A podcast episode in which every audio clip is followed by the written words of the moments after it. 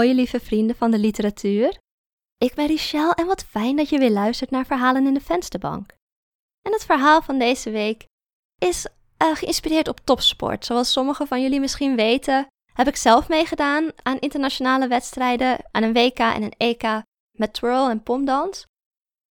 En wanneer je aan, aan topsport doet, is, is dat je prioriteit. En je hebt niet de tijd en de aandacht voor een partner die misschien vanzelfsprekend zou zijn als je niet aan topsport doet.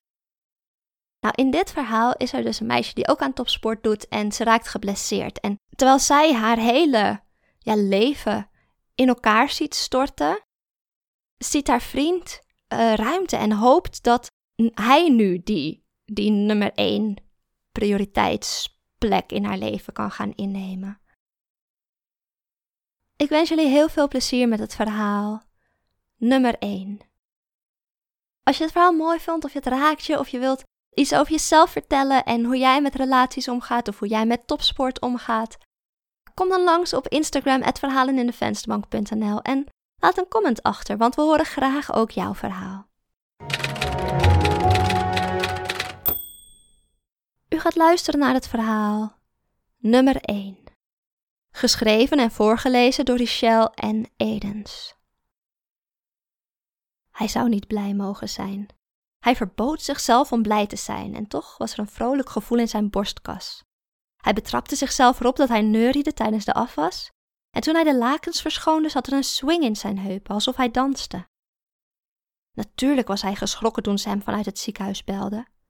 Ze stelden hem eerst gerust voordat ze vertelde wat er aan de hand was. Ze hield zich sterk. Hij hoorde aan haar stem dat ze zich sterk hield toen ze vroeg of ze een paar dagen bij hem kon logeren maar hij wist dat ze ervan baalde. Hij wist dat ze straks thuis in zijn armen zou instorten en dat hij haar huilend tegen zijn borst kon drukken. Hij verheugde zich erop.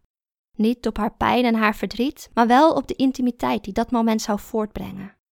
En hij verheugde zich op het hele weekend samen.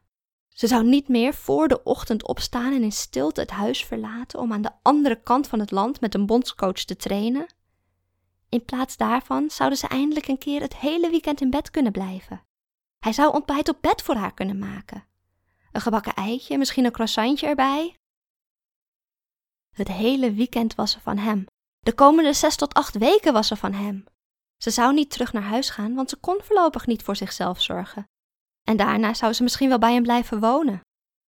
Het zou hem niet verbazen als dit het begin van samenwonen werd.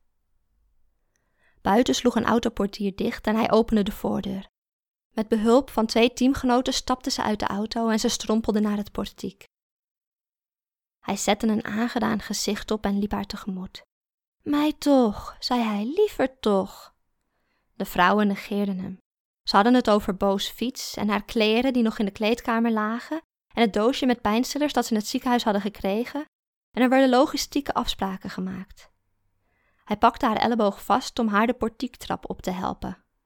Doe niet, zei ze, raak me maar liever helemaal niet aan, anders is er een kans dat je het alleen maar erger maakt.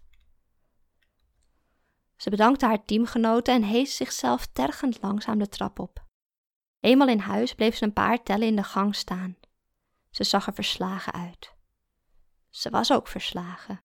Niet door een tegenstander, maar door haar eigen lichaam. De WK-kwalificaties waren over twee weken. Daar zou ze nu niet aan mee kunnen doen. Ik vind het fijn dat je er bent, zei hij.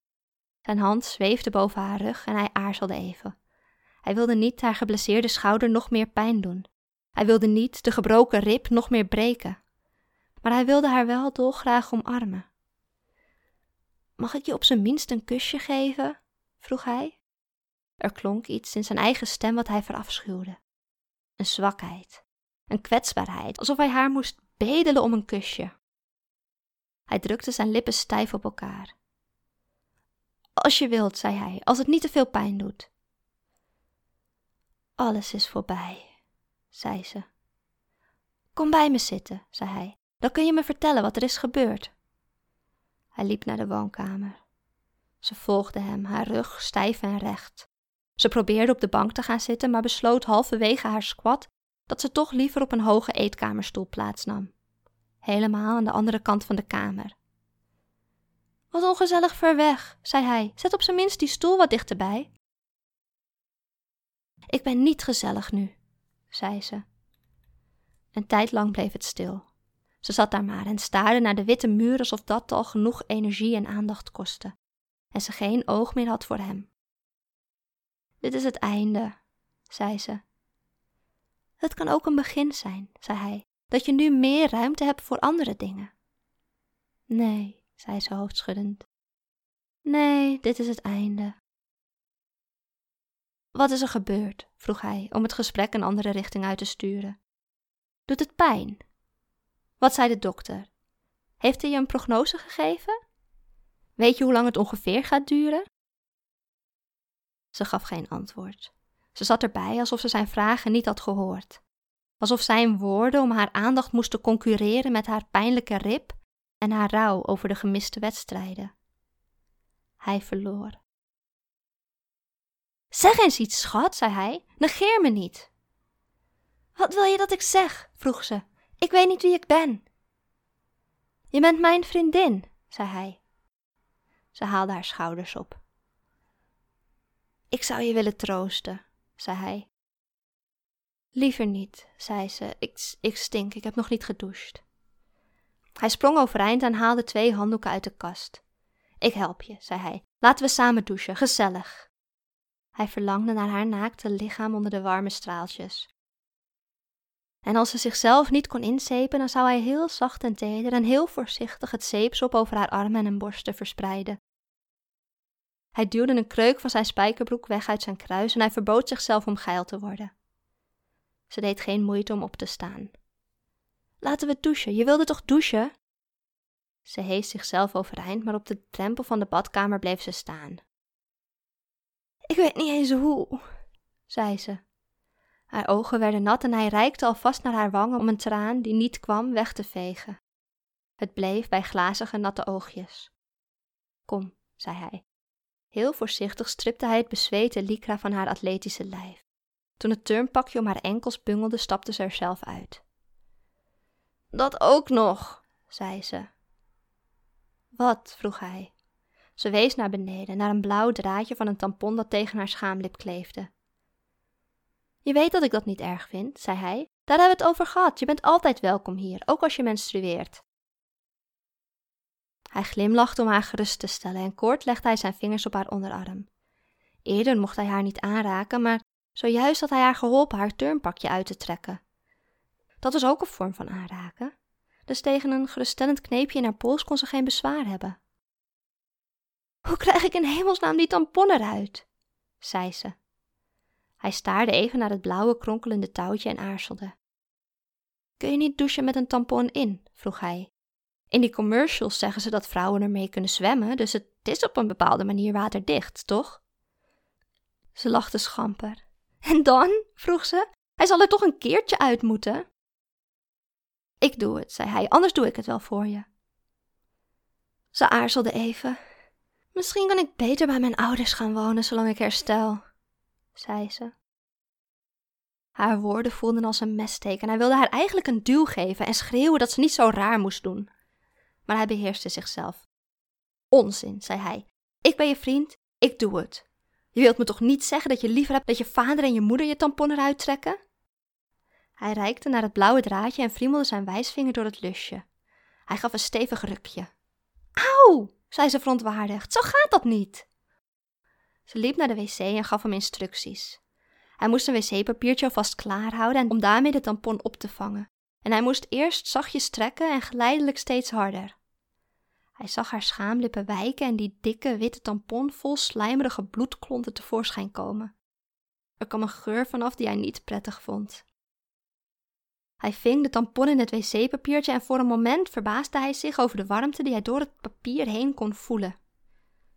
Met het pakketje in zijn vingers haastte hij zich naar de keuken. Hij gooide het weg en waste zijn handen, langer dan nodig was. Maar toch voelden zijn vingers niet schoon. Hij zette de kraan uit, ze zouden zo douchen. Hij wist niet waar zijn vriendin was gebleven. Hij mengde het water van de douche tot op de temperatuur die zij het prettigst vond net één tikkeltje warmer dan hij prettig vond. Kom je? riep hij. Weet je dat zeker? vroeg ze. Natuurlijk, riep hij over het geluid van de boiler heen. Ik wil je graag dichtbij hebben. Lekker warmpjes, samen onder de douche. Toen ze de badkamer inliep, zag hij dat er een plekje menstruatiebloed op haar dijen zat. Het was uitgesmeerd vanwege het lopen. Eén druppel had de streep gemaakt die bijna tot haar knie kwam. Gadver! Het schoot uit zijn mond voor hij zichzelf kon corrigeren. Waarom doe je dat? Wat doe ik?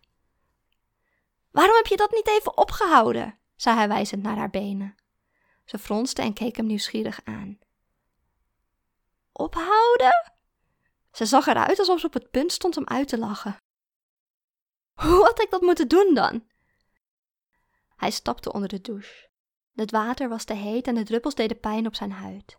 Hij verbeet zich en sloot zijn ogen. Hij haalde zijn handen door zijn natte haar en waste zijn gezicht. Hoe had ik dat moeten doen dan? vraagt ze. Ze geeft hem een por met een gezonde arm. Hoe denk je dat menstruatie werkt? Hoezo weet je dat niet? Heb je nooit seksuele voorlichting gehad op school? Ze bleef hem plagerig porren, maar toen hij van zich af wilde bijten en haar terugporde, schreeuwde ze van de pijn en riep ze dat hij haar niet moest aanraken. Wat hem een oneerlijk verzoek leek nadat hij net een tampon uit haar had getrokken. Toch hield hij verbolgen mokkend zijn handen thuis. Toen ze vroeg of hij haar wilde helpen met het wassen van haar rug, zei hij nors dat hij dat niet kon doen als hij haar niet mocht aanraken.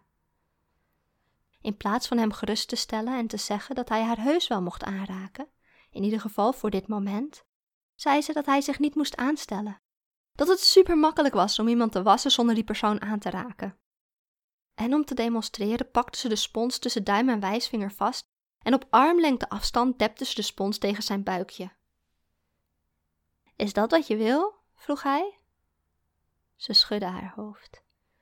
Ik denk dat ik liever bij mijn ouders wil revalideren. Ik heb het gevoel dat onze relatie nog niet toe is aan deze toestand. Met haar gezonde hand maakte ze een rond gebaar in de lucht. Aan dit. U heeft geluisterd naar het verhaal nummer 1. Geschreven en voorgelezen door Richelle en Edens.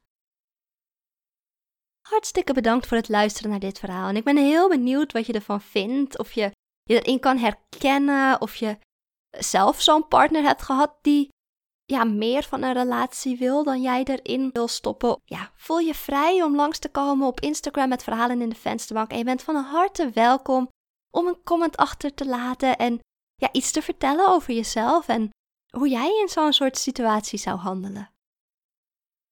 Als je dit verhaal nou mooi vond, geef deze podcast een like of 5 sterren, net wat jouw podcast-app toelaat. En vergeet niet je te abonneren op deze podcast, want we schrijven elke week een nieuw verhaal. En als je je abonneert, dan krijg je heel handig elke week een herinnering dat er een nieuw verhaal is. En dat komt goed uit, want wij hebben jou er graag volgende week weer bij. Voor nu, een hele fijne avond en een hele fijne week. En ik zie jullie allemaal volgende week bij het volgende verhaal.